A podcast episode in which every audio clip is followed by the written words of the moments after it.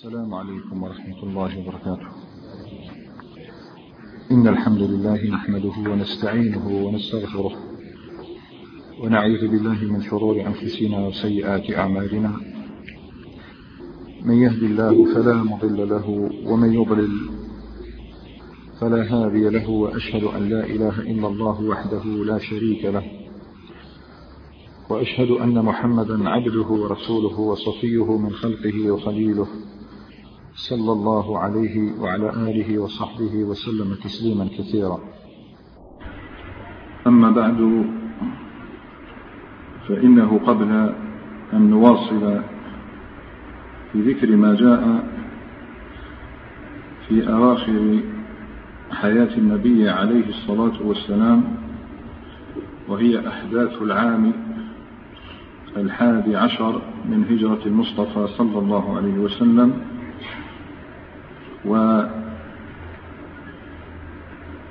ورغبة في مذاكرة ما حدث في هذه السنة وكان قد مضى معنا في دراسة أحداثها مجالس ثلاثة فقط.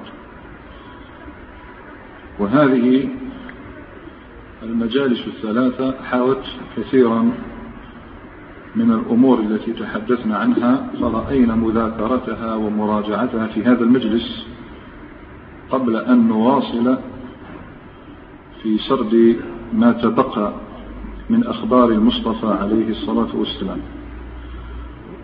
هذه السنة هي السنة الأخيرة من المرحلة المدنية وهي السنة الأخيرة من حياة النبي عليه الصلاة والسلام وهي السنة التي حملت أعظم مصاب أصيب به أهل الإسلام.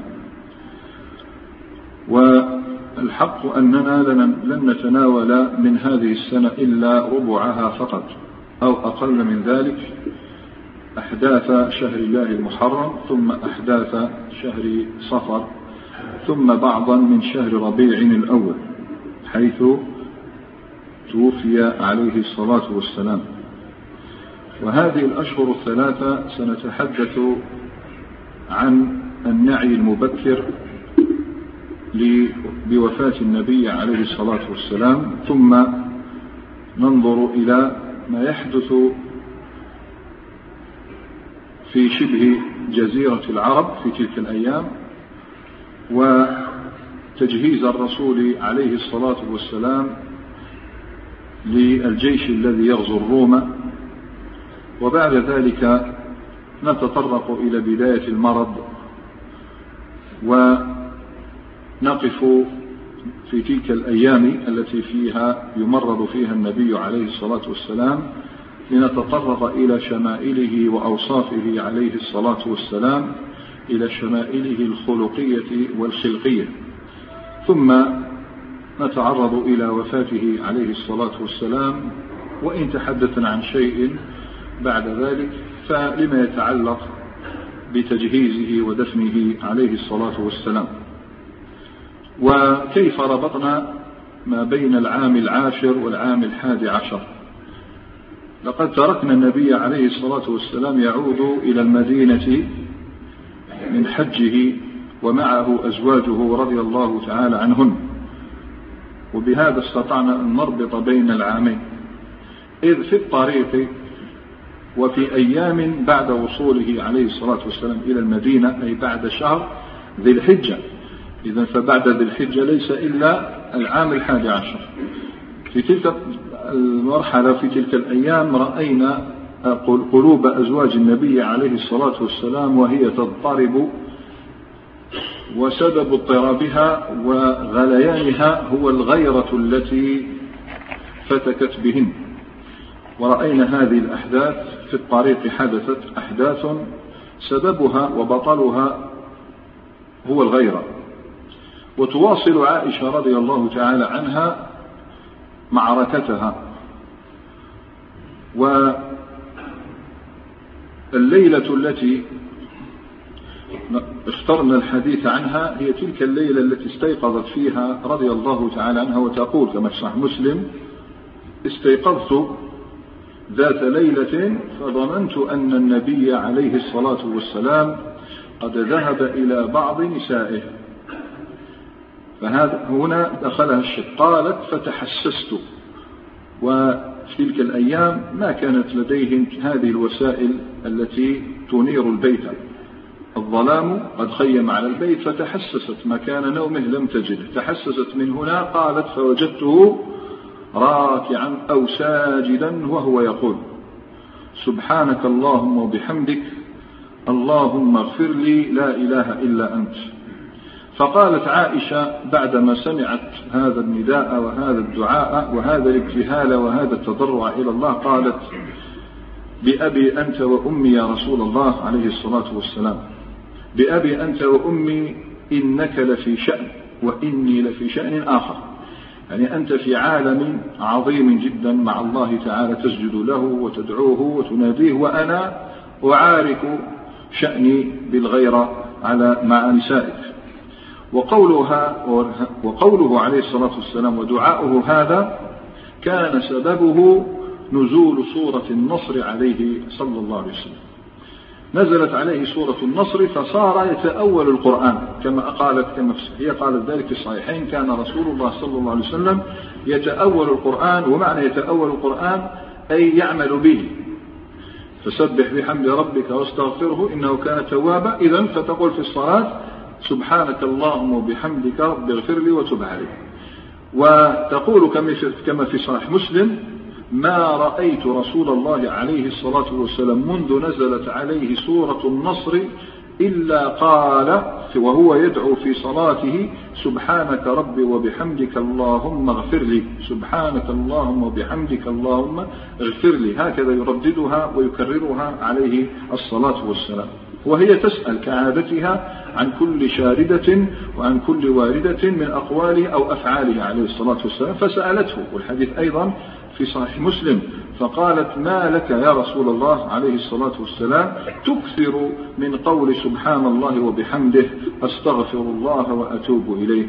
فقال عليه الصلاة والسلام خبرني رسول خبرني جبريل عليه السلام وفي رواية خبرني ربي أني سأرى علامة في أمتي أي ظهورا لها.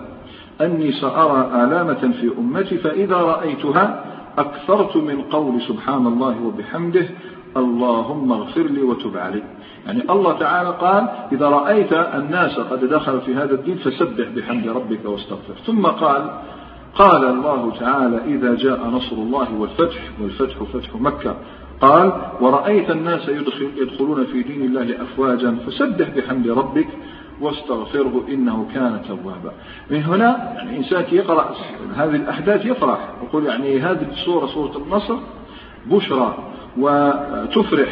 لكننا نرى ابن عباس رضي الله تعالى عنهما وعمر بن الخطاب يجعلانها تدل على الأحزان وتدل على الأشجان فقد علم ما لم يعلمه كثير من أصحاب النبي عليه الصلاة والسلام في هذه الآية. والحديث في الصحيحين حيث قال ابن عباس كان عمر بن الخطاب يدخلني مع أشياخ بدر. يعني مع كبار الصحابة رضوان الله تعالى عليهم فقالوا ما لك تدخل معنا هذا الغلام؟ ولنا أبناء مثله. يعني لنا أبناء في مثل سنه. فقال إنه ممن قد علمتم. أي له منزلة عظيمة عند رسول الله صلى الله عليه وسلم. فأراد عمر بن الخطاب أن يؤكد لهم ذلك فدعاهم ودعا أشياخ بدر قال ودعاني معهم. فقال لهم عمر بن الخطاب ما تقولون في قول الله تعالى إذا جاء نصر الله والفتح ورأيت الناس يدخلون في دين الله أفواجا. فقال بعضهم أمرنا إذا نصرنا الله وفتح لنا أن نسبح الله ونحمده ونستغفره ونتوب إليه. وقال بعضهم والله لا ندري منها شيئا وسكت بعضهم. هنا التفت إلى ابن عباس وقال له ما تقول فيها يا ابن عباس؟ قال هي نعي لرسول الله صلى الله عليه وسلم. نعي لأجره عليه الصلاة والسلام. قال أعلمه الله به. فقال إذا جاء نصر الله والفتح فتح مكة فذاك علامة أجلك. فسبح بحمد ربك واستغفره. هكذا ابن عباس رضي الله تعالى عنه يفسر الآية فقال عمر يقره على ذلك كله والله ما أعلم عنها إلا ما علمت. هذا فهم ابن عباس وعمر بن الخطاب علم ورثاه من رسول الله صلى الله عليه وسلم. فقد روى الإمام أحمد عن ابن عباس رضي الله تعالى عنهما قال لما نزلت إذا جاء نصر الله والفتح قال رسول الله صلى الله عليه وسلم نعيت إلي نفسي بأني مقبوض. نعيت إلي نفسي بأني مقبوض. وفي رواية الطبراني رحمه الله عن جابر أنه عليه الصلاة والسلام قال يا جبريل عندما نزلت هذه السورة يا جبريل إني أرى أنه قد نعيت إلي نفسي. فقال له جبريل يا رسول الله عليه الصلاة والسلام والآخرة خير لك من الأولى والآخرة خير لك من الأولى. إذا سورة النصر بقدر ما حملت بشرى ونصرا وفتحا للمسلمين فإنها قد حملت نعيا مبكرا لرسول الله عليه الصلاة والسلام بأنه مقبوض وهذا يحدث لنا جميعا إذا حدثت لنا أشياء تمر أشياء كثيرة علينا لا نأبه, لا نأبه لها ولا نأبه بها. نجعلها تمر وندعها تمر حتى إذا حدثت الخاتمة تذكرنا وعاد بنا الشريط إلى كل تلك الأحداث فنربطها بها. هنا عاد الشريط بنا إلى ما حدث من قبل. عندما صرح النبي عليه الصلاة والسلام بأنه قد نعيت إليه نفسه لبعض الصحابة لا لجميعهم تذكرنا لماذا عارضه جبريل هذا العام القرآن في شهر رمضان مرتين وكانت العادة أن يعارضه القرآن في رمضان مرة واحدة.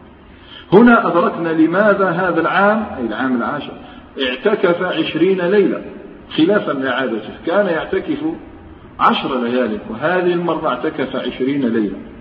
هنا عاد بنا عادت بنا الأحداث فتذكرنا لماذا قال عليه الصلاة والسلام لتأخذوا عني مناسككم فإني لا أدري لعلي لا أحج بعد عام هذا. لأجل هذا تذكرنا أيضا قوله عليه الصلاة والسلام وسؤاله للصحابة الكرام ألا هل بلغت؟ ألا هل بلغت؟ ألا هل بلغت؟ كأنه يودع عليه الصلاة والسلام. وهنا تذكرنا أيضا نزول آية كمال الدين. اليوم أكملت لكم دينكم. وأتممت عليكم نعمتي ورضيت لكم الإسلام دينا. كأنه بلغ كل ما أمره الله تعالى بتبليغه. وهنا أدركنا معنى سورة النصر وزاد النبي, النبي عليه الصلاة والسلام. كل هذه العلامات وكل هذه الأمارات زادها توكيدا. يوم ودع معاذ بن جبل وهو ذاهب إلى اليمن. لأن معاذ بن جبل كان باليمن. ثم جاء إلى المدينة عندما سمع بالنبي عليه الصلاة والسلام يحج فخرج معه إلى الحج ثم دخل معه المدينة. حان الوقت ليعود معاذ إلى اليمن. فكيف ودعه عليه الصلاة والسلام؟ ودعه وداعا ليست هي عادته في ذلك. فروى الإمام أحمد عن معاذ بن جبل قال لما بعثني النبي عليه الصلاة والسلام إلى اليمن خرج معي. وهذه عادة الرسول عليه الصلاة والسلام يشيع أمراءه والعلماء من الصحابة إذا أرسلهم في شيء. فخرج معه ومعاذ راكب والرسول عليه الصلاة والسلام تحت راحلته. فلما فرغ أي أوشك أن يذهب قال يا معاذ إنك عسى أن لا تلقاني بعد عام هذا ولعلك أن تمر بمسجدي وفي رواية ولعلك أن تمر بقبري هكذا يودع النبي عليه الصلاة والسلام فبكى معاذ جشعا بدأ معاذ بن جبل يبكي لهذا الوداع الذي لم يعهده منه عليه الصلاة والسلام. ثم التفت النبي عليه الصلاة والسلام قبل المدينة وقال إنما وإن أولى الناس بي المتقون من كانوا وحيثما كانوا إن أولى الناس بي المتقون من كانوا وحيثما كانوا. وهنا النبي عليه الصلاة والسلام نلاحظ أنه نلحظ أنه يعلم جيدا أنه مفارق الناس هذا العام أو هذه الأيام ومع ذلك لم يقف عن العمل عليه الصلاة والسلام فهو ينظر كما ذكرنا مرارا إلى ما بعد الموت. فالموت عند المسلم مرحلة لا شيء آخر مرحلة. كل نفس ذائقة الموت. لم يقل ميتة. ذائقة تذوقها ثم تنتقل إلى عليين أو إلى سجين. فالرسول عليه الصلاة والسلام يعلم هذا جيدا وأراد أن يبين لنا أن الموت لن يعوق الإنسان عن العمل ولو علمت أنك ستموت. إذا كانت بيدك أحدكم فسيلة فليغرسها والساعة تقوم. يعني إذا قامت الساعة خلاص بدأت النجوم تنكدر والبحار تسجر والجبال تسير والأرض تندك وتتصبع وبيدك فسيلة. نبتة النخلة فاغرسها مع أنك تعلم أن أحدا لن ينتفع بها بعد ذلك.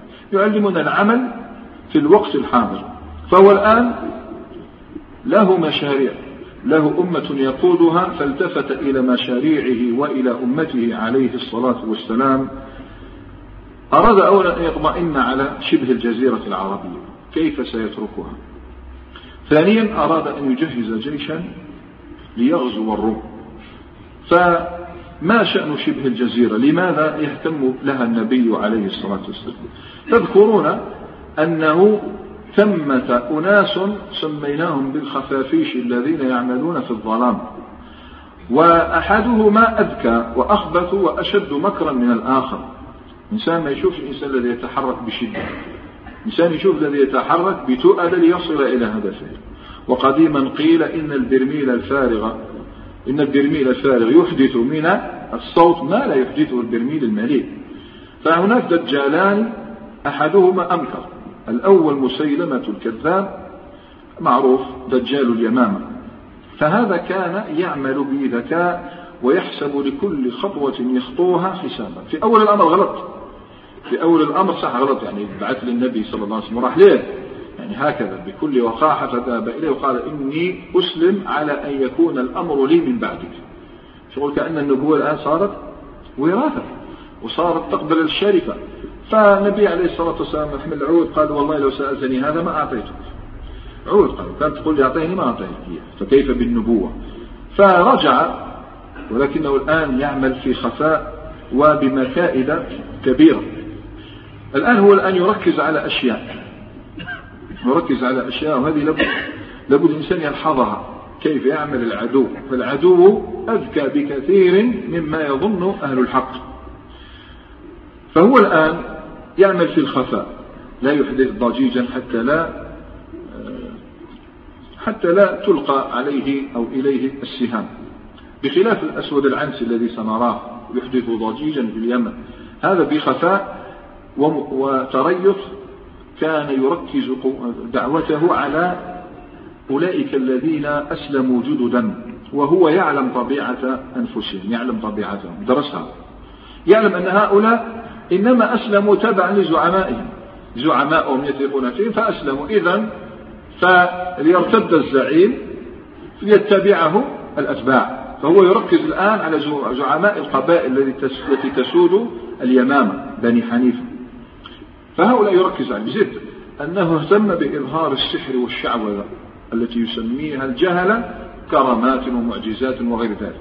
أتاهم بأشياء من الكلام يشبه الهذيان وهم عدوه الفصاحة والبيان.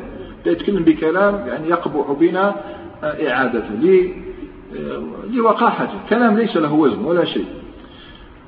فهكذا استقطب السادة واستقطب العوام بما يملي عليهم من الخرافات وغير ذلك. زد سيغذي دعوته هذه بشيء مهم يحبه الناس وهو الهوى. شوف شبهات من جهة الشهوات من جهة. أين هي الشهوات فبدأ قالوا يحل لهم بعض ما حرم عليهم في الدين. يحل لهم الخمر يضع عنهم الصلاة يضع عنهم الزكاة. زد وهو أذكى كما ذكرنا. لن يخرج من الإسلام باللفظ. سيظل يقول أنا مسلم ولن ينكر نبوة محمد صلى الله عليه وسلم. ولكن له الأمر من بعد محمد صلى الله عليه وسلم. هكذا نبوة مسيلمة الكذاب ولم يعتمد فقط على هذا اعتمد على جناح قوي وهو امرأة تدعى سجاح سيدة بني تميم. هذه تؤيده وتقف معه بل ستدعي النبوة بعد ذلك. إذا فهذا قلنا يعمل بمكيدة وقوة هذا هو شأن العدو. وظل يلقي الشبهات ويقول لك يعني الكلام ينطل لك الكلام هذا بالعاني حتى تحس أنه أثار ضجيجا. في هذه السنة أرسل رسولين إلى النبي صلى الله عليه وسلم. يسأله الأمر من بعده والحديث في سنن أبي داود وأحمد عن نعيم بن مسعود الأشجعي. أرسل رسولين فقرأ كتابه أنه يريد الأمر من بعده فقال لهم أتقولان ما يقول؟ قال نعم يعني نعتقد ما يقول. فقال عليه الصلاة والسلام لولا أن الرسل لا تقتل لضربت أعناقكم. هذا يدل على أنهم يستحلون يستحلون القتل وخرجوا من الدين باعتقادهم نبوة مسيلمة الكذاب. واضطر النبي عليه الصلاة والسلام أن يخطب في الناس في هذه الأيام وتكلم. والحديث كما ذكرنا عند الإمام أحمد عن أبي بكر يقف الرسول عليه الصلاة والسلام ولولا خطورة الأمر ما تحدث. فقال إن الناس قد أكثروا في مسيلمة الكذاب. ففي شأن هذا الرجل الذي قد أكثرتم فيه. إنه كذاب. من ثلاثين كذابا يخرجون بين يدي الساعة. بهذا قطع الرسول عليه الصلاة والسلام كل الشبهات لتنطلي على الناس. صرح بأنه كذاب. من ثلاثين كذابا أي إن الأمر مسلسل طويل سترون ثلاثين كذابا يجهرون بما يجهر به هذا الكذاب. هذه شبه الجزيرة من جهة اليمامة شبه الجزيرة من جهة اليمن. الأسود العنسي يعني راه داير ضجة ما بعدها ضجة. فقد صار يقاتل المسلمين. ادعى النبوة وأتى بخرافات وشعوذة وقوي أمره واشتد بأسه وقاتل أهل نجران الذين أسلموا حديثا وسار إلى صنعاء فخرج إليه شهر بن باذان. هذا الذي أسلم فارسي أسلم فلقيه فقتله الأسود العنسي. يعني كانت الغلبة للأسود العنسي. وخرج معاذ هاربا. شفنا اليمن قسمت قسمين. قسم عليه شكون؟ معاذ بن جبل والقسم الثاني عليه أبو موسى الأشعري. هرب معاذ بن جبل ومن معه من المسلمين إلى حيث أبي موسى الأشعري الجميع يرى قد استتب الأمر للأسود. قويت شوكته واتبعه الناس. ينتظرون ماذا؟ كتابا من رسول الله صلى الله عليه وسلم. يأمرهم فيه بقتاله. وهنا جاء الأمر بقتاله. كتاب حمله وبر بن يحنس الأزدي إليهم وفيه البشرى أن لكم مقاتلته ومن معه إما مباشرة أو غيلة. يعني استطعتم أن تقتلوه غيلة اقتلوه المهم هنا بدأ المسلمون يجمعون الجموع لقتال الأسود العنسي والتف حولهم عدد كبير وجيش كثير. ولندع خبر الأسود ما زال ما انتهش أمره. لندع خبر الأسود واسمه من مسماه فإنه سواد. لننتقل إلى ذلك البياض وإلى النور الذي غشي المدينة طيلة عشر سنوات كاملة إلى مدينة الرسول عليه الصلاة والسلام. ترى النبي عليه الصلاة والسلام شوف شو يدير. وهو يعلم أنه سيموت. وهو يعلم أنه سيفارق الناس. يعمل لتطهير شبه الجزيرة العربية من الشرك. في الوقت نفسه له مهمة أخطر بكثير من ذلك. وهي تجهيز جيش تجهيز جيش لغزو الروم. فبدأ عليه الصلاة والسلام يجهز جيشا. لماذا ذكرنا؟ قلنا لأن دولة الروم بلغ بها الكبرياء وبلغت بها الغطرسة وبلغ بها البطر والأشر إلى أنها صارت تحكم بالإعدام على كل من أسلم من الأمراء والقادة لديها. فقد أسلم آه، عمرو الجذامي هذا رئيس قبيلة جذام أسلم واتبع النبي عليه الصلاة والسلام فأمسكه الروم وأكرهوه إما على الردة أو القتل. لابد أن يرتد. وهذا الأمير صبر واحتسب واختار البقاء على الإسلام على أن يرتد إلى الكفر فقتلوه وضربوا عنقه بفلسطين بمكان يدعى عفراء بفلسطين. لاحظ إذا جرأة الروم وهذا أمر يخيف يعني إذا بدأوا يقتلون الأمراء الناس يجدر أن الإسلام يحكم بالإعدام على الناس. هذا سيخيف الناس يصيروا لا يجهرون بإسلامهم وخاصة الروم فالنبي عليه الصلاة والسلام ما كان ليسكت عن ذلك فجهز جيش الروم وأمر هذا الجيش أن يعسكر بالبلقاء ألف كيلومتر بعيد عن المدينة. مش حاجة سهلة الأردن.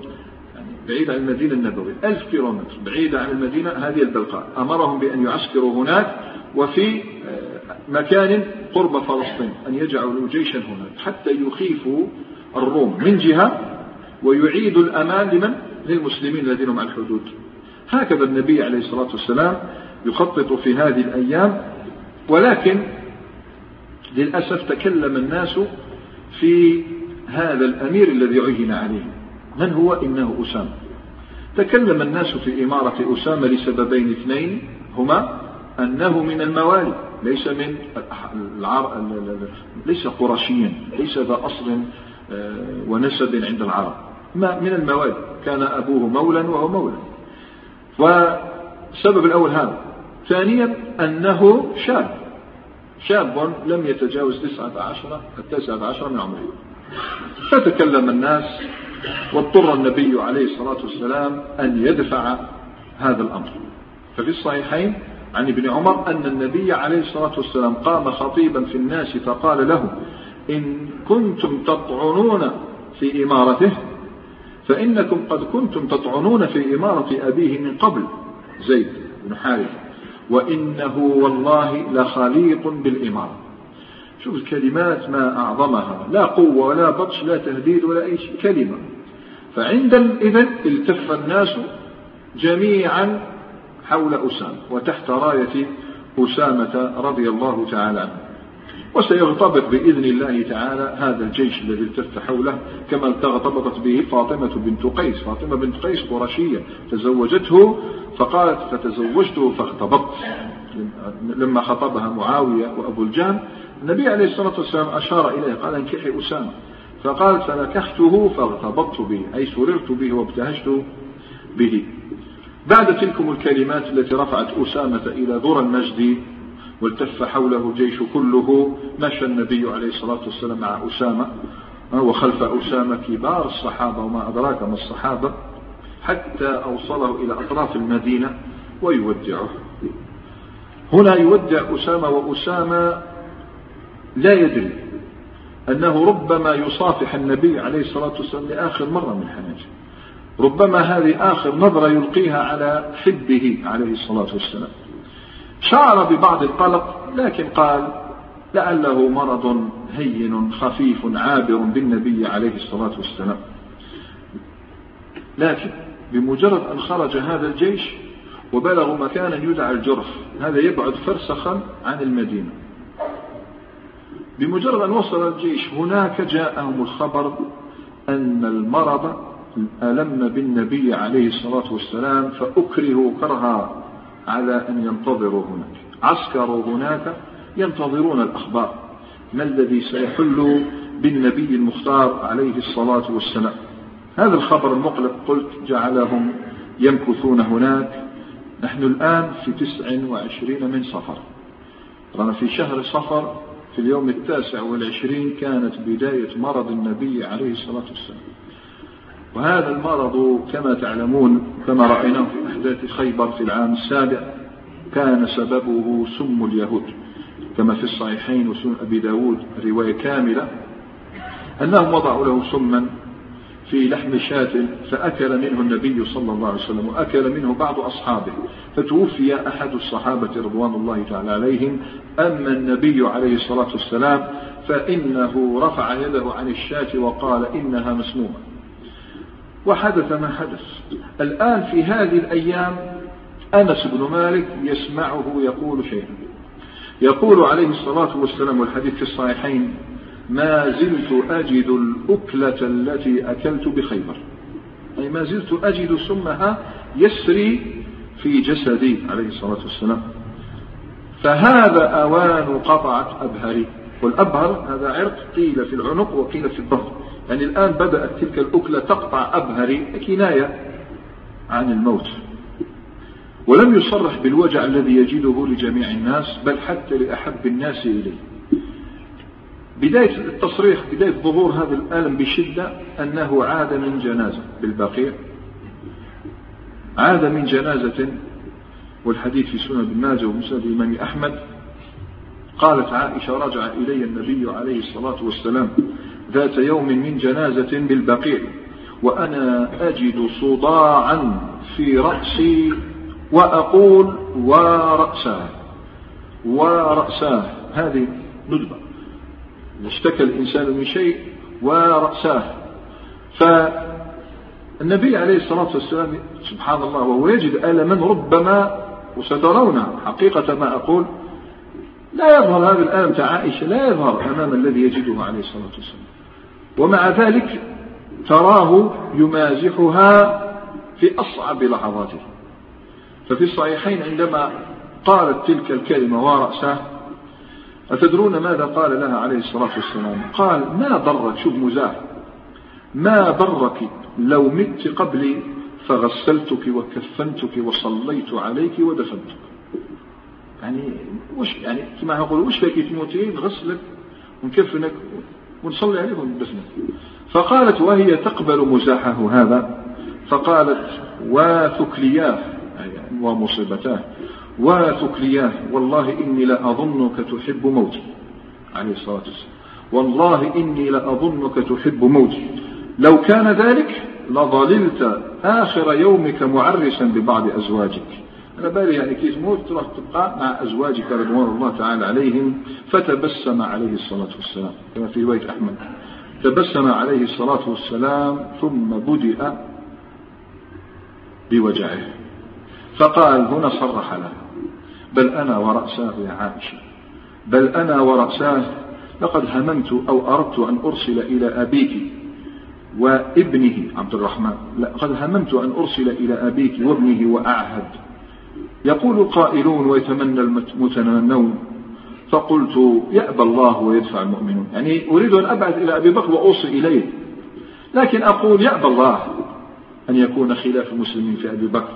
ويأبى المؤمنون يعني مستحيل يقبل المؤمنون رجلا غير أبي بكر. في هذا إشارات عظيمة لاختيار النبي عليه الصلاة والسلام لأبي بكر. بعد ذلك تلك الجلسة مع عائشة نراه عليه الصلاة والسلام يذهب لوداع الشهداء شهداء أحد. هذا أول ما أراد أن يفعله بعد مجيئه من تلك الجنازة. تقول عائشة كما في صحيح مسلم يقول قال لي النبي عليه الصلاة والسلام إن جبريل أتاني. فقال إن ربك يأمرك أن تأتي أهل البقيع وتستغفر لهم. إن ربك أن أمرك أن تأتي أهل البقيع فتستغفر لهم. فأتاهم وقال السلام عليكم أهل الديار من المؤمنين والمسلمين. ويرحم الله المستقدمين منا والمستأخرين وإنا إن شاء الله بكم للاحقون. أدب من رسول الله صلى الله عليه وسلم. كلنا ذاهبون إلى الموت كلنا لاحقون بالموتى ولكن يقول إن إن شاء الله بكم للاحقون لا يدري الإنسان بماذا يختم له. هل سيختم له على الإيمان فيدفن مع هؤلاء المسلمين أو يختم له العياذ بالله بالكفران فيدفن في مقابر المشركين. هذا أدب المسلم عند الزيارة عند زيارة المقابر والمرور بها. ولكن هناك صحابي خصه الله من دون سائر الصحابة بسماع شيء. صحابي ربما لم تسمع به إلا الساعة وهو أبو مويهبة. جاء في مسند الإمام أحمد عنه أنه انطلق به إلى البقيع فحي أهل البقيع بما حياهم به ثم أقبل عليه. يقول أبو مويهبة أقبل علي وقال يا أبا مويهبة استمع إلى هذا الحديث إني قد أوتيت مفاتيح خزائن الدنيا.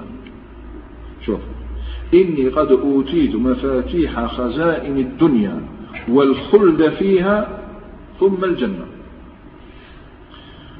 وخيرت بين ذلك مفاتيح خزائن الدنيا والخلد فيها والجنة خيرت بين ذلك وبين لقاء ربي عز وجل والجنة.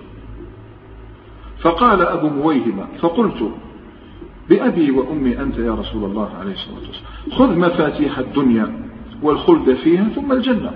فقال لا والله يا أبا مويهب لقد اخترت لقاء ربي عز وجل والجنة.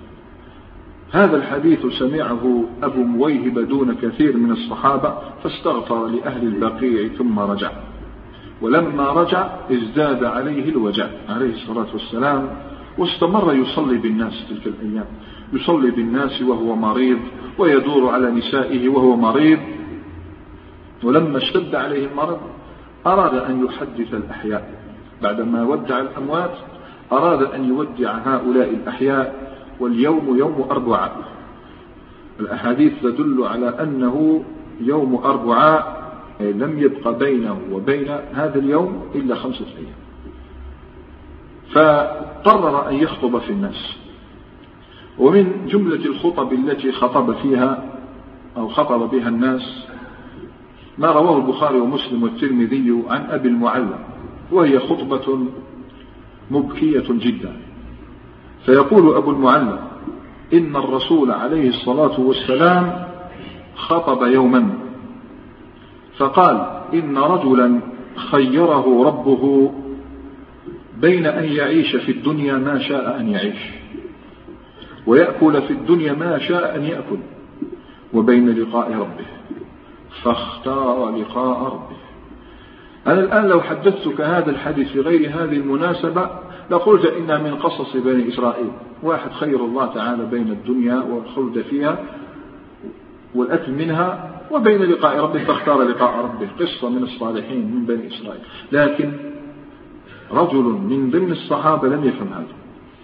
فعندئذ يقول أبو المعلى فبكى أبو بكر. صور في مثل هذا المجلس يأتيك فيقول لك هذا الكلام وينهض أبو بكر دون الناس ويبكي. فبكى أبو بكر وقال بل نفديك بآبائنا وأموالنا يا رسول الله. بل نفديك بآبائنا وأموالنا يا رسول الله. فقال أصحاب النبي عليه الصلاة والسلام ألا تعجبون من هذا الشيخ؟ يعني يقصدون أبا بكر. ألا تعجبون من هذا الشيخ؟ إذ ذكر رسول الله رسول الله عليه الصلاة والسلام رجلا صالحا خيره الله بين الدنيا وبين لقاء ربه فاختار لقاء ربه. قال أبو المعلى فكان أبو بكر أعلمنا كان أبو بكر أعلمنا بما قال رسول الله عليه الصلاة والسلام. طبعا عندما قال أبو بكر مثل هذا الكلام وانت تمر بك يمر بك ذلك الشريط أيضا كيف قضى أبو بكر حياته في الجاهلية والإسلام مع النبي صلى الله عليه وسلم. كل لحظاته معه والآن يرى حبيبه وأحب الناس إليه يذهب عنه عليه الصلاة والسلام. فقال عليه الصلاة والسلام ما من الناس أحد أمن إلينا في صحبته وذات يده من ابن أبي قحافة. هذه الكلمة شهادة من رسول الله صلى الله عليه وسلم. ما فيش واحد أمن من الناس. من على النبي صلى الله عليه وسلم إلا أبو بكر رضي الله تعالى عنه. ولو كنت متخذا خليلا لاتخذت ابن أبي قحافة خليلا ولكن ود وإخاء إيمان ولكن ود وإخاء إيمان ولكن ود وإخاء إيمان قالها ثلاثة. قال جندب بن عبد الله صح مسلم قال سمعت ذلك قبل أن يموت النبي صلى الله عليه وسلم بخمس. ولو حسبت حسبها يوم أربعة. من وصاياه أيضا ما رواه البخاري ومسلم. عن ابن عباس قال خرج علينا النبي عليه الصلاة والسلام في مرضه الذي مات فيه بملحفة. قد عصب بعصابة دسماء. حتى جلس على المنبر فحمد الله وأثنى عليه وقال أما بعد فإن الناس يكثرون ويقل الأنصار. إن الناس يكثرون ويقل الأنصار. لماذا؟ الهجرة تنقطع بفتوح البلدان. إذا فسيقل الأنصار. حتى يكون في الناس بمنزلة الملح في الطعام فمن ولي منكم شيئا من مكنه الله منهم بالإمارة فليقبل من محسنهم ويتجاوز عن مسيئهم. إذا بلغ الماء قلتين لم يحمل الخبث. الأنصار بالغوا قلتين بالأعمال الصالحة. فإذا أساء أحدهم فليتجاوز عن مسيئهم هؤلاء ناس يذوب وتذوب حسناتهم في بحار سيئاتهم في بحار حسناتهم. الأنصار حكم خاص. أبو بكر حكم خاص.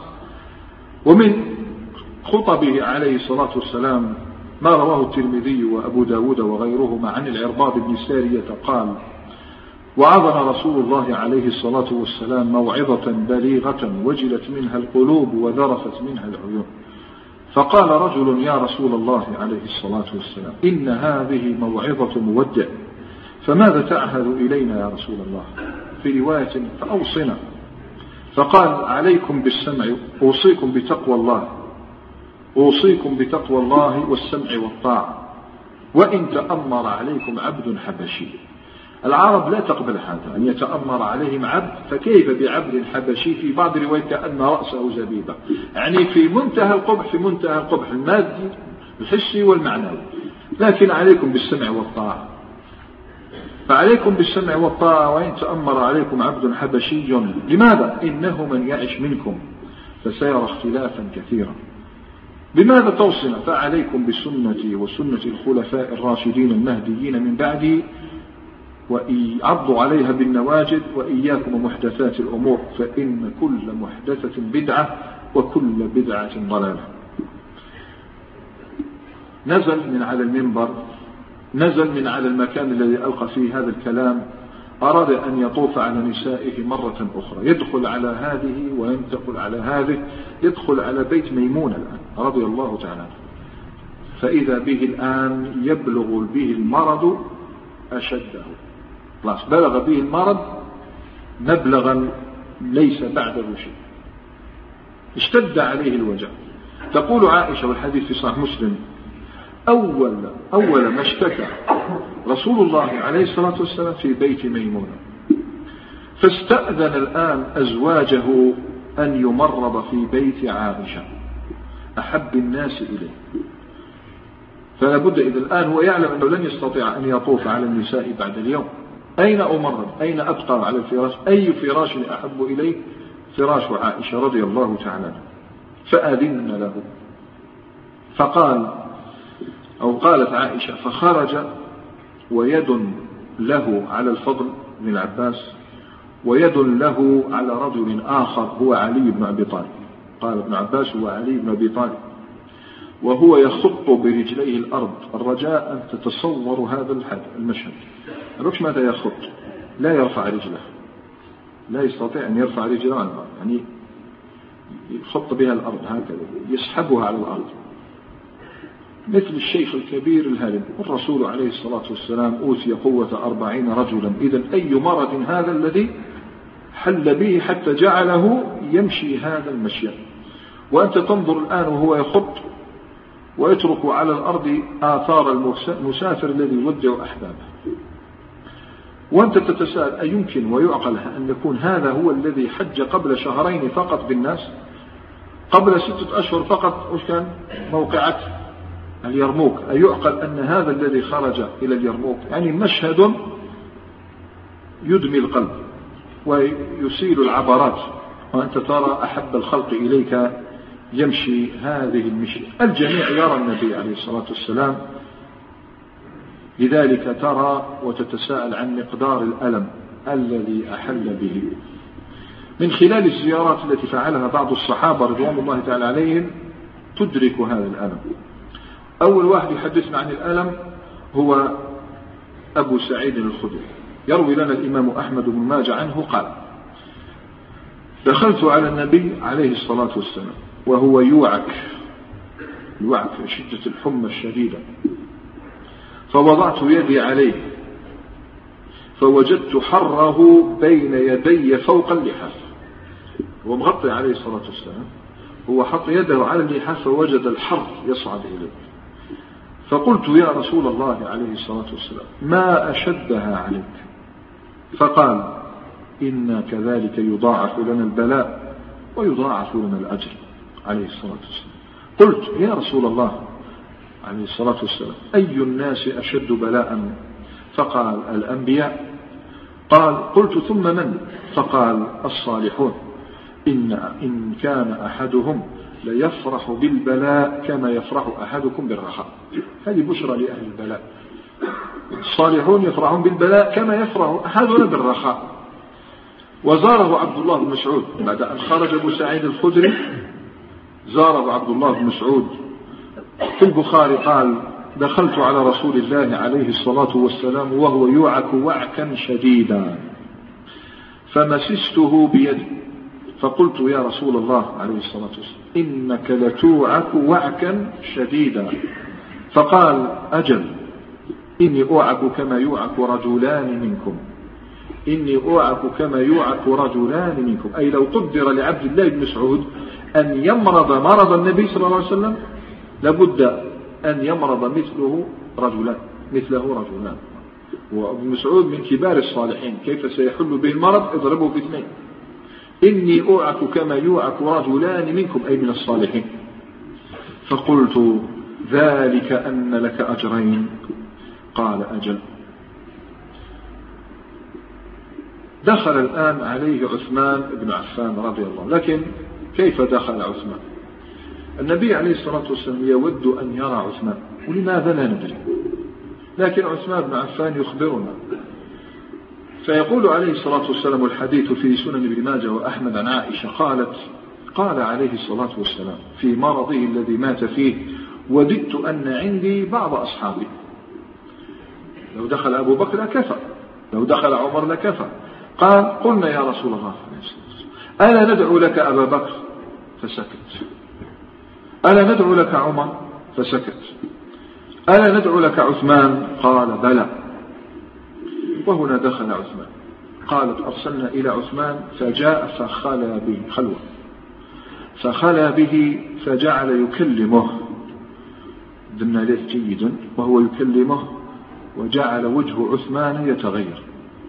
ويتغير. يتغير لأنه يسمع منه أشياء عجيبة. لم يخبر بها عثمان إلا عندما حوصر في الدار يوم مقتله. فقال أخبرني النبي عليه الصلاة والسلام أني سأقتل. في بعض الروايات أنه رآه في تلك الليلة. كان صائما قال إنك ستفطر عندنا رضي الله تعالى عنه. وانتهى يوم الأربعاء وجاء يوم الخميس. ويوم الخميس آخر خميس من حياته عليه الصلاة والسلام. استدعى أصحابه فأراد أن يبين لهم شيئا مهما. شيء يرفع النزاع يرفع الشقاق يرفع الخلاف. قالت وعد عائشة؟ قال إني أريد أن أستدعي أبا بكر وابنه. ولكن الله إذا أراد شيئا ضاع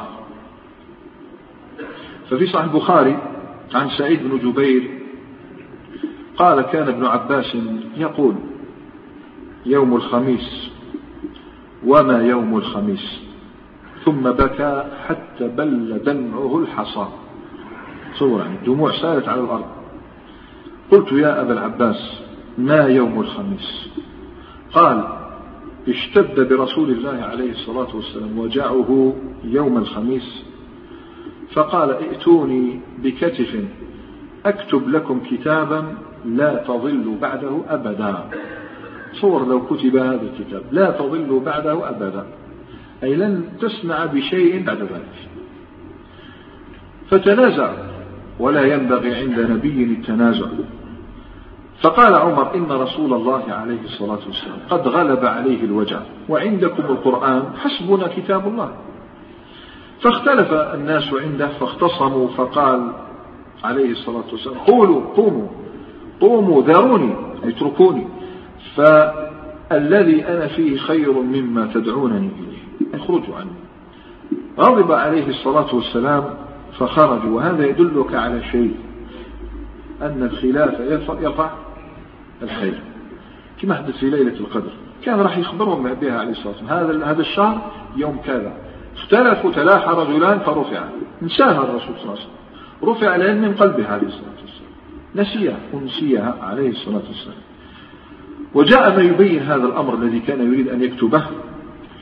ففي صحيح مسلم عنها رضي الله عن عائشة قالت قال لي رسول الله عليه الصلاة والسلام في مرضه أدعي لي أبا بكر وأخاك حتى أكتب كتابا فإني أخاف أن يتمنى متمن ويقول قائل أنا أولى ويأبى الله والمؤمنون إلا أبا بكر. تصريح. أنه كان هاما بأن يكتب لأبي بكر بالخلافة عليه الصلاة والسلام. وهذا اجتهاد من رسول الله عليه الصلاة والسلام.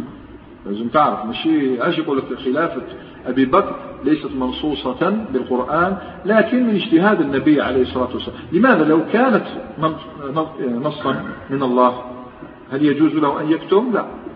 يا أيها الرسول بلغ ما أنزل إليك من ربك وإن لم تفعل فما بلغت رسالته. هذا اجتهاد منه عليه الصلاة والسلام.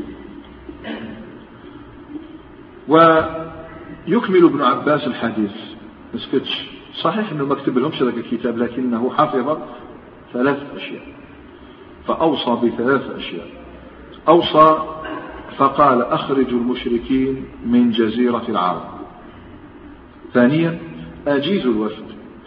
كما كنت اجيز أجيزهم. يعني كي يجوا الوفد الذين يسلمون ولا يستقبل الوفد؟ يعطيهم الجوائز والهدايا.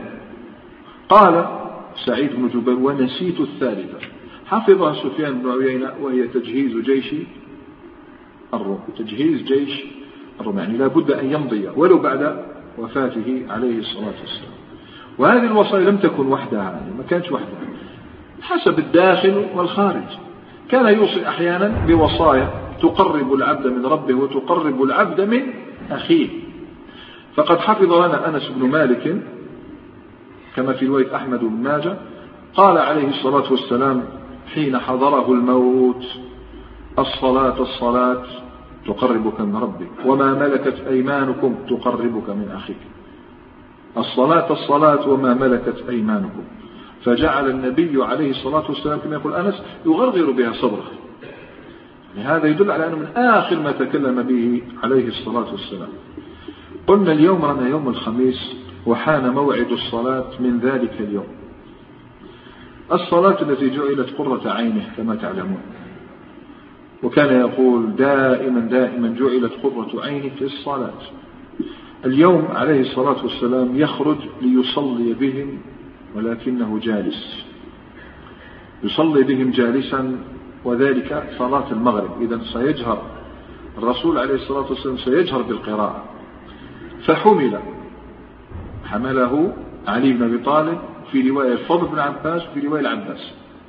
فحمل عليه الصلاة والسلام وكبر قرأ الفاتحة وقرأ والمرسلات عرفا فالعاصفات عصفا والناشرات نشرا فالفارقات فرقا فالملقيات ذكرا عذرا أو نذرا إنما توعدون لواقع. فإذا النجوم طمست وإذا السماء فرجت وإذا الجبال نسفت وإذا الرسل أقتت لأي يوم أجلت؟ ليوم الفصل. وما أدراك ما يوم الفصل؟ والرجال والنساء والصبيان ينصتون إلى هذا الصوت الخاشع. ولا تدري أي جو كان عليه الصحابة رضوان الله تعالى عليهم. صوت خاشع أنهكه المرض. القراءة هذه نضمن لك يعني بلي ظلت تتردد في أذهانهم وقلوبهم طوال حياتهم. علاش آخر قراءة جهرية للنبي صلى الله عليه وسلم. هذه آخر قراءة على الإطلاق. أي لن يقرأ بعد اليوم بهم عليه الصلاة والسلام. روى البخاري عن أم الفضل بنت الحارث قال قالت ولد ابن عباس. قالت سمعت النبي عليه الصلاة والسلام يقرأ في المغرب بالمرسلات عرفا. ثم ما صلى لنا بعدها حتى قبضه الله. ما صلى بعدها حتى قبضه الله. أخذ إلى بيت عائشة رضي الله تعالى. وكان يتنفل جالسا عليه الصلاة والسلام. ولما حانت وقت صلاة العشاء أراد أن يقوم ولكنه ما استطاع. وحاول أن يقوم ولكنه ما استطاع. حاول النهوض ولم يستطع. ظل يحاول. وأقعده الألم وأقعده الوجع. والصحابة بالمسجد ينتظرون خروجه رضي الله تعالى كانوا ينتظرونه ولو إلى نصف الليل. وقلوبهم تتلهف لخروجه وهم لا يدرون أنه الآن هو يحاول أن يخرج عليه الصلاة والسلام. وخلت قلوب الجميع من التفكير في أي شيء إلا في رسول الله عليه الصلاة والسلام ما الذي حل به؟ ما الذي سيحدث له؟ روى البخاري عن عائشة قالت قال رسول الله عليه الصلاة والسلام لما ثقل به المرض أصلى الناس؟ خالد صوته أصلى الناس؟ فقالوا هم ينتظرونك. فقال شوف يبذل المجهود؟ صبوا علي من سبع قرب سبع قرب تاع الناس لتذهب الحمى الحمى. صبوا علي من سبع قرب لعلي أعهد إلى الناس. وأجلس في مخضب أي إناء كبير مثل ما إحنا نقول اليوم ليانا كبير. أجلس فيه وصب عليه من الماء. فأراد أن ينهض فأغمي عليه. صور حم حمى تجعلك يغمى عليك. فلما أفاق قال أصلى الناس؟ قالوا بل هم ينتظرونك. صبوا علي إذا من سبع قرب. صبوا عليه من سبع قرب. فصبوا عليه من سبع قرب في مخضب. فأراد أن يقوم فأغمي عليه ثانية. فعل به ذن أربع مرات. وهو يريد أن يقوم ويغمى عليه عليه الصلاة والسلام عندئذ قال عليه الصلاة والسلام مروا أبا بكر فليصلي بالناس. وأرسل رسولا إلى المسجد. أبو بكر وعمر هناك.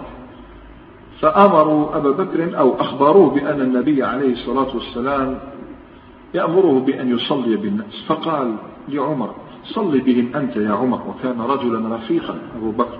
فقال عمر رضي الله تعالى عنهما أنت أحق بذلك. هذا الحوار في مسجد وداخل وراء هذه السترة الحجرة عائشة. عائشة تقول إن أبا بكر رجل أسيف أي حزين. لا يسمع الناس من قراءته. الناس لا تسمع قراءته لشدة بكائه رضي الله تعالى عنه. فقال مروا أبا بكر فليصلي بالناس. وهي تعيد له إن أبا بكر رجل أسيف لا يكاد يسمع الناس بقراءته قراءته مروا أبا بكر فليصلي بالناس. تعيد له المرة الثالثة. استعانت الآن بحفصة رضي الله تعالى أخبريه فقالت حفصة إن أبا بكر رجل أسيف لا يكاد يسمع الناس قراءته. عندئذ غضب النبي عليه الصلاة والسلام وقال إن كن لصواحب يوسف.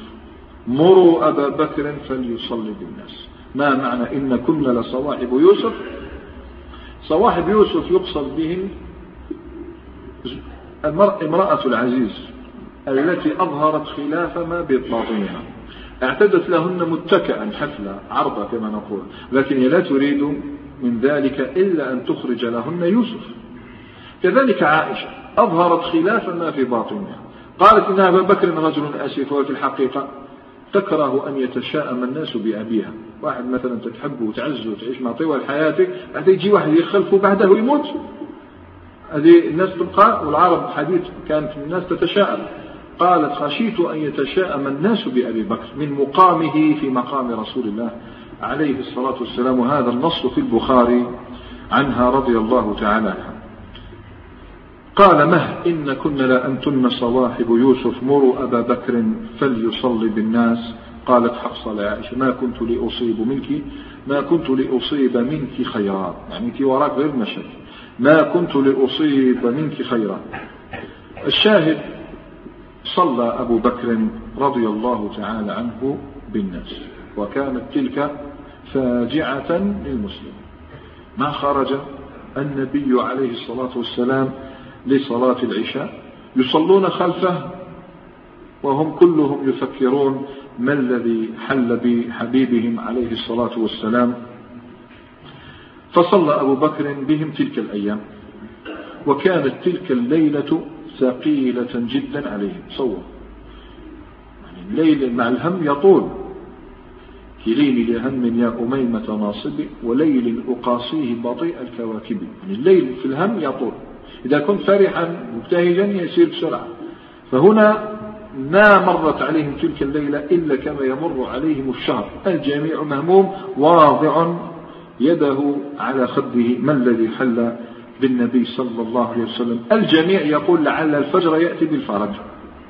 وجاء الفجر ولم يأتي بالفرج نأتي إن شاء الله تعالى على نهاية هذه الأحداث بعد الأذان.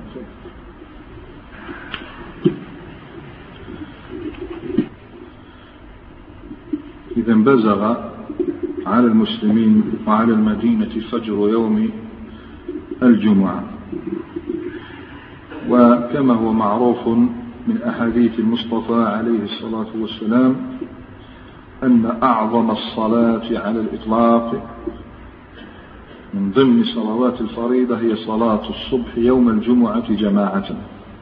فلا شك أن الفجر سيأتي بالفرج ولكنه عليه الصلاة والسلام ما خرج عليهم فجر يوم الجمعة. لم يستطع النهوض أصلا من فراشه عليه الصلاة والسلام فصلى بهم أبو بكر فجر الجمعة والمسلمون لا يزالون يتساءلون. الآن حان وقت الجمعة حان وقت صلاة الجمعة. والعادة تعرفونها من خلال تتبعنا لحياته عليه الصلاة والسلام. الجميع يأتي إلى مسجد النبي عليه الصلاة والسلام. يوم الجمعة من كل البقاع. ما هو من حوالي المدينة من العوالي قباء كلهم يأتون إلى النبي صلى الله عليه وسلم. بل أقول لك إن الذين هم على بعد فرسخ من المدينة بالجرف أتوا إلى النبي عليه الصلاة والسلام. أسامة جاء بالجيش كان عادوا إلى المدينة. كلهم يطمع أن يصلي ويستمع إلى خطبة رسول الله عليه الصلاة والسلام. ولكن شيئا من ذلك لم يحدث. فخطب بهم خطب فيهم أبو بكر وصلى بهم صلاة الجمعة. والعجيب وتلحظ أنه لم ينقل ولم ينقل أحد محتوى خطبة أبي بكر الصديق. ماذا قال فيها؟ لماذا الأذهان كلها منشغلة بالنبي صلى الله عليه وسلم؟ كأن الأذهان كلها ليست عالقة بأبي بكر رضي الله تعالى عنه ولا شك أن الدموع قد تحاطلت. وأن الزفرات قد كثرت في ذلك المجلس لأنهم يشاهدون ويشهدون شيئا ما يعني أنت تلاحظ تسمع في مسجد الرسول عليه الصلاة والسلام شخصا دونه وهو على الفراش طريحا وعاد الجميع إلى بيوتهم إلا أسامة. أسامة دخل على النبي عليه الصلاة والسلام كما في رواية الترمذي وأحمد عنه قال لما ثقل على رسول الله عليه الصلاة والسلام المرض هبطت وهبط الناس المدينة. فدخلت عليه عليه الصلاة والسلام. وقد أصمت. بسكن هدوء شديد. فلم يتكلم. فجعل رسول الله عليه الصلاة والسلام يرفع يديه إلى السماء ثم يضعهما. يرفع يديه إلى السماء ثم يضعهما. فعرفت أنه يدعو لي. ومضى يوم الجمعة كاملا. والنبي عليه الصلاة والسلام على فراشه لم يخرج بعد. وجاء يوم السبت. وصلى بهم أبو بكر الصديق رضي الله تعالى عنه بهم الفجر أيضا. ولكن بينما هو يريد أن يؤمهم لصلاة الظهر كانت المفاجأة. مفاجأة لم تخطر ببالهم. كانت المفاجأة عندما رأى المصلون جميعهم النبي صلى الله عليه وسلم يخرج بهم يخرج إلى الصلاة يريد أن يصلي بهم. أذن بلال أقام الصلاة هم أبو بكر أن يكبر. ويريد أن يقول الله أكبر فخرج علي العباس. الجميع التفت العباس وعلي يحملان النبي عليه الصلاة والسلام من حجرة عائشة ويقعدانه ويجلسانه هذا حديث عائشة في الصحيحين تكمله لنا فتقول عليه تقول رضي الله عنها فخرج بين رجلين لصلاة الظهر وأبو بكر يصلي بالناس فلما رآه أبو بكر ذهب ليتأخر فأومأ إليه أشار إليه بأن لا يتأخر فقال أجلساني إلى جنبه فأجلساه إلى جنب أبي بكر عن يساره وهذا يدل على أنه كان هو الإمام عليه الصلاة والسلام. فجعل أبو بكر يصلي وهو يأتم بصلاة النبي صلى الله عليه وسلم والناس يأتمون بصلاة أبي بكر. والنبي قال عليه الصلاة والسلام وتحول المسجد في تلك اللحظات إلى ساحة بهجة إلى ساحة سرور. الحمد لله أن النبي عليه الصلاة والسلام قد ظهرت عليه أخيرا أمارات الشفاء استطاع أن يخرج ولكن ذلك لم يدم. بمجرد أن انتهى من صلاة الظهر يوم السبت أدخل إلى حجرة عائشة من جديد وهنا تفاقم المرض. هنا خلاص بلغ الحد الذي لا يمكن أن يزيد عليه. تفاقم المرض وكانت فاطمة وأمهات المؤمنين لا يتوقفن عن زيارته. وهناك واحد لم يتوقف عن زيارته ألا وهو المرض. يزوره بشدة في كل اللحظات في كل في كل خلجات النفوس هكذا يتسلل إلى جسد الرسول الحبيب عليه الصلاة والسلام وينخر منه. خرج العباس الآن والله لو كنا حاضرين ذلك المجلس يعني يخوف العباس بن عبد المطلب خرج بشيء مرعب. ففي البخاري خرج إلى علي فقال كيف حال رسول الله؟ عليه الصلاة علي يعني حكمة. قال لا بأس إن شاء الله. فقال العباس وأخذ بيده أنت والله بعد ثلاث عبد العصر قال بعد عجيب أنت بعد ثلاث أيام ستصير مأمورا وكما تدخلش الآن. يعني غير استخ... قل النبي صلى الله عليه وسلم يستخلفه. قال علي بن لماذا؟ قال والله إني لأرى رسول الله عليه الصلاة والسلام يتوفى من وجعه هذا. عنده وحدة الفراس العباس عجيبة. وكان يقول دائما إني لأعرف وجوه بني عبد المطلب عند الموت. بني عبد المطلب عندهم علامة واضحة إذا, إذا حل بهم الموت. اذهب بنا إليه صلى الله عليه وسلم. فلنسأله في من هذا الأمر بعد. هو لا يريد الإمارة يريد رفع الفتنة فقال علي بن أبي طالب إن والله لئن سألناها فمنعنا إياها ما أخذناها بعد. يعني لو كان قولوا له اجعل الأمر فينا قلنا لا الناس كلها تجعله شرع. اللي بني عبد المطلب لن تكون فيهم الخلافة والله لا أسألها وهذا حكمة علي بن أبي طالب ما سأل الإمارة وما سأل الخلافة إنما علم أنها ندامة من جهة وعلم من ما حدث أنها لأبي بكر رضي الله تعالى عن الجميع. النبي يصارع المرض ومع ذلك سبحان الله لا يخشى من المرض ولا يخشى من الموت بقدر ما يخشى من شيء حذر منه تلك الساعة. وهو يصارع المرض تسمعه يقول كما في الصحيحين عن عائشة لما نزل على لما نزل بالنبي عليه الصلاة والسلام طفق يمسح خميصة له على وجهه. أو يطرح خميصة له على وجهه. حتى إذا اغتم كشفها عن وجهه وقال لعن الله اليهود والنصارى اتخذوا قبور أنبيائهم مساجد. أنبيائهم. ما بالك بغيرهم؟ لماذا؟ لأن الناس بعد موت النبي تأتي العاطفة الجياشة فيقول لماذا لا نبني عليه قبرا؟ فالنبي عليه الصلاة والسلام يغلق باب هذا باب الشرك. الذي ما بعث إلا من أجل طمسه. 23 سنة وهو يحارب الشرك يخشى أن يكون ذلك حاصلا في هذه الأمة. يخشى أن يتحول قبره إلى ضريح وإلى مزار يعبد. اتخذوا قبور أنبيائهم مساجد يقول ذلك ويكرره وهو يعالج المرض. يقول ذلك ويكرره وهو يعالج المرض. والصحابة في المسجد يعالجون الحسرة واللهفة والخوف على النبي عليه الصلاة والسلام. الناس جميعا الآن في المدينة في المساجد في الطرقات في البيوت حديثهم ما الذي حل به عليه الصلاة والسلام؟ وجاء يوم الأحد وتوالى الزائرون من أهل بيته عليه وغيرهم. والآن نرى فاطمة رضي الله تعالى عنها تدخل عليه صلى الله عليه وسلم. أتذكرون ماذا قالت عائشة؟ تصف مجيء فاطمة للنبي عليه الصلاة والسلام. ماذا كانت تقول لنا؟ كانت فاطمة أو ما رأيت أحدا أشبه هديا وسمتا بالنبي من فاطمة عليه الصلاة والسلام. كانت إذا دخلت عليه صلى الله عليه وسلم ماذا فعل؟ قام. قام. يقبلها ويعانقها ويقول مرحبا بابنتي. اليوم لا يستطيع أن يقوم لها عليه الصلاة والسلام.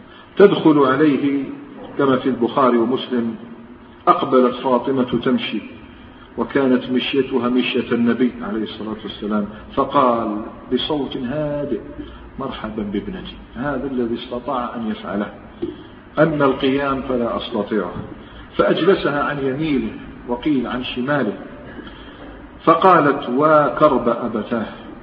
فقال عليه الصلاة والسلام ليس على أبيك كرب بعد اليوم. وهي تقرر وكرب أبتاه وهو يقول ليس على أبيك كرب بعد اليوم فأكبت عليه فقبلته عليه الصلاة والسلام. ثم أسر إليها حديثا ورفعت رأسها فبكت. فقلت يا عائشة لم تبكين؟ ثم أكبت عليه مرة أخرى فضحكت. فقالت عائشة ما رأيتك اليوم فرحا أقرب من حزن. فسألت فسألتها بعد فقالت ما كنت لأفشي سر رسول الله عليه الصلاة والسلام. لم تبح فاطمة بذلك إلا بعد أيام سألتها عائشة قالت قال لي ما أرى إلا أنه قد دنا أجلي وأني ميت في مرضي. فبكيت.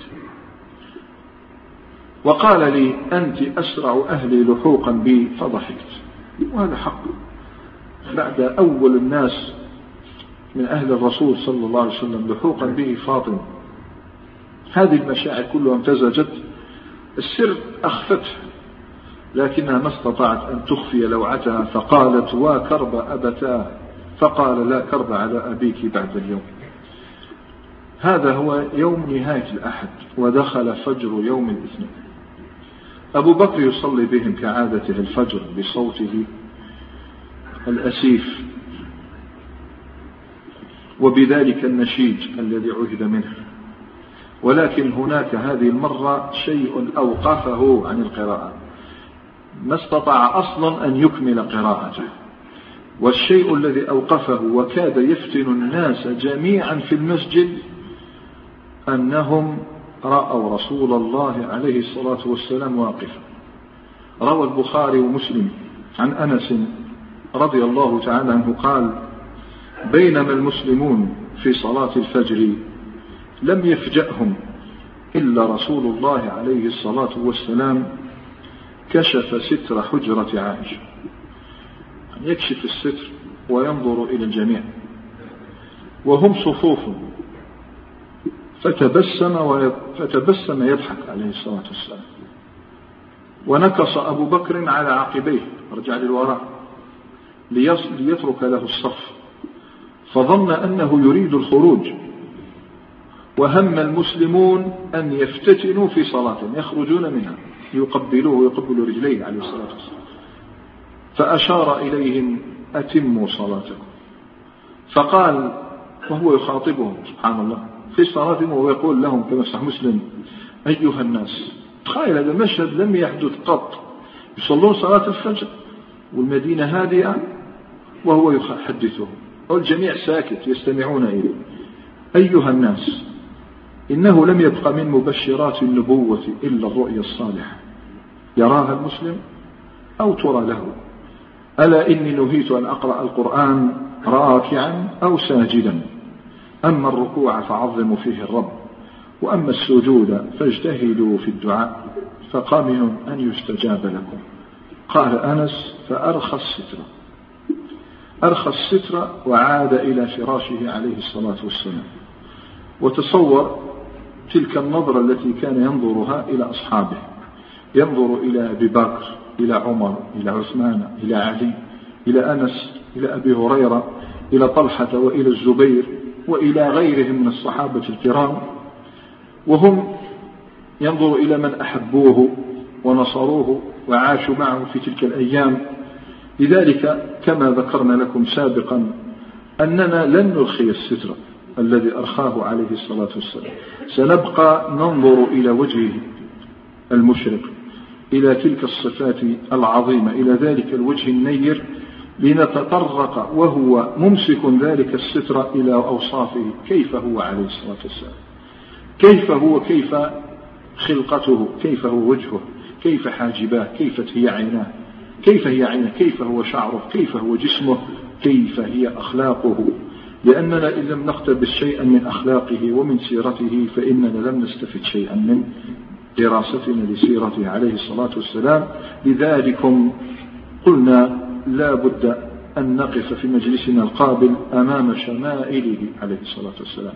شمائله أي صفاته؟ الخلقية والخلقية قبل أن نودعه عليه الصلاة والسلام. أقول قولي هذا وأستغفر الله لي ولكم فاستغفروه إنه هو الغفور الرحيم وبارك الله فيكم أجمعين والسلام عليكم.